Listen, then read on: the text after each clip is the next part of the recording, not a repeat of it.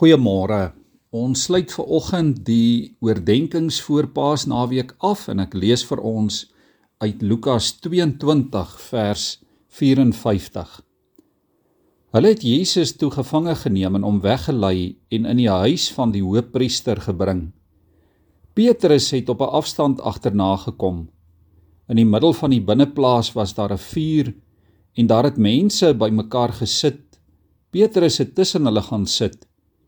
'n diensmeisie wat hom in die skynsel van die vuur sien sit het, het hom goed bekyk en gesê: "Die een was ook saam met daardie man." Maar Petrus het dit ontken deur te sê: "Juffrou, ek ken hom nie."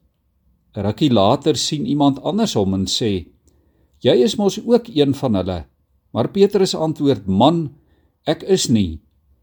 Na verloop van sowat 'n uur het nog een met beslisheid beweer: So waar, die een was ook saam met daardie man. Hy is mos ook 'n Galileër. Maar Petrus sê: "Man, ek weet nie waarvan jy praat nie." En onmiddellik terwyl hy nog praat, het daar 'n haan gekraai. Die Here het omgedraai en Petrus aangekyk. Toe val dit Petrus by wat die Here vir hom gesê het: "Voordat die haan vannag kraai, sal jy my 3 maal verloon." En Petrus het buitentoe gegaan en bitterlik gehuil. Vers 61 sê die Here het omgedraai en Petrus aangekyk. Al vier die evangelies vertel hoe dat Petrus Jesus verloon het voordat die haan gekraai het. Dit was 'n tragiese situasie. Wat egter, liewe vriende, baie interessant is, is dat net Lukas spesifiek vertel dat Jesus omgedraai en Petrus aangekyk het. Jesus se kyk het alles gesê wat nodig was. En dit het my laat wonder, wat het Jesus op daardie oomblik bedoel toe hy vir Petrus gekyk het? Wat sou Jesus wou hê dat Petrus moet weet? Dit was nie 'n vermakerige soort kyk nie. Jesus wou nie daardeur vir Petrus sê, "Ja, sien jy, ek het jou uitgevang nie." Jy is toe nie so lojaal soos jy gedink het nie. Dis nie wat Jesus gedink het nie. Want dis nie hoe Jesus is nie. Hy was nie so nie en hy is nie nou so nie. Jesus wou met daardie kyk ook nie vir Petrus sê Petrus Hoekom laat jy my so in die steek wanneer ek jou die nodigste het nie? Dit was nie 'n beskuldigende of 'n veroordelende kyk na Petrus nie. Petrus ontken openlik en hoorbaar dat hy Jesus ken en hy vloek selfs en tog het Jesus hom nooit veroordeel nie. Dit was ook nie 'n verwytende kyk nie. Ja Petrus, ek het op jou staat gemaak en nou het jy my in die rug gesteek. Dit was nie die rede hoekom Jesus na Petrus gekyk het nie. Dalk wou Jesus iets oordra van Petrus, ek is lief vir jou. Dat hy wou hê Petrus moes dit in sy oë en in sy houding sien. Ons lees dat Petrus in trane uitgebars het. En tog, liewe vriende, moes Petrus selfs al lankal beleef en geweet het dat Jesus hom baie liefhet.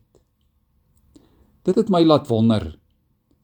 Ek dink Jesus wou met daardie kyk vir Petrus sê: Petrus, dink aan my. Dink aan my.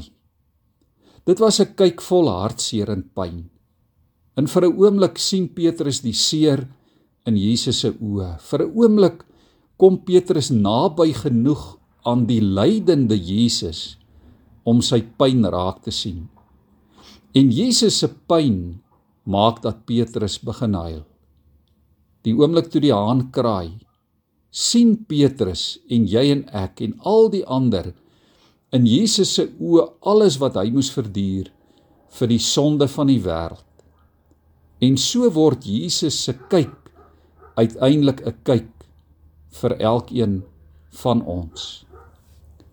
Liewe vriende, my gebed in hierdie tyd en vanmôre vir elke volgeling van die Here, ook vir ons gemeente, is dat ons in hierdie tyd regtig die hartverskeurende lyding van God sal raak sien. Dat dit jou sal aanraak sodat jy aangegryp word deur wat hy vir jou gedoen het. Gewone mense woorde kan jou en my nie aanraak nie. Dit kan ons nie aangryp nie. Net die gees van die lewende Jesus kan jou hart aanraak en verander. Onthou in hierdie tyd. Hy beskuldig jou nie. Hy verwyd jou nie. Hy veroordeel jou nie. Hy het jou lief met 'n liefde wat hom alles gekos het.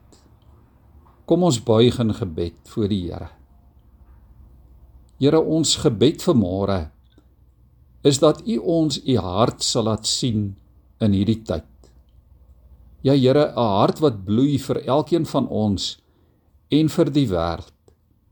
Here, kom gryp ons harte aan en kom maak ons nuut, kom vernuwe ons.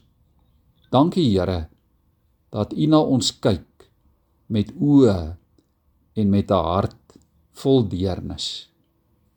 Amen.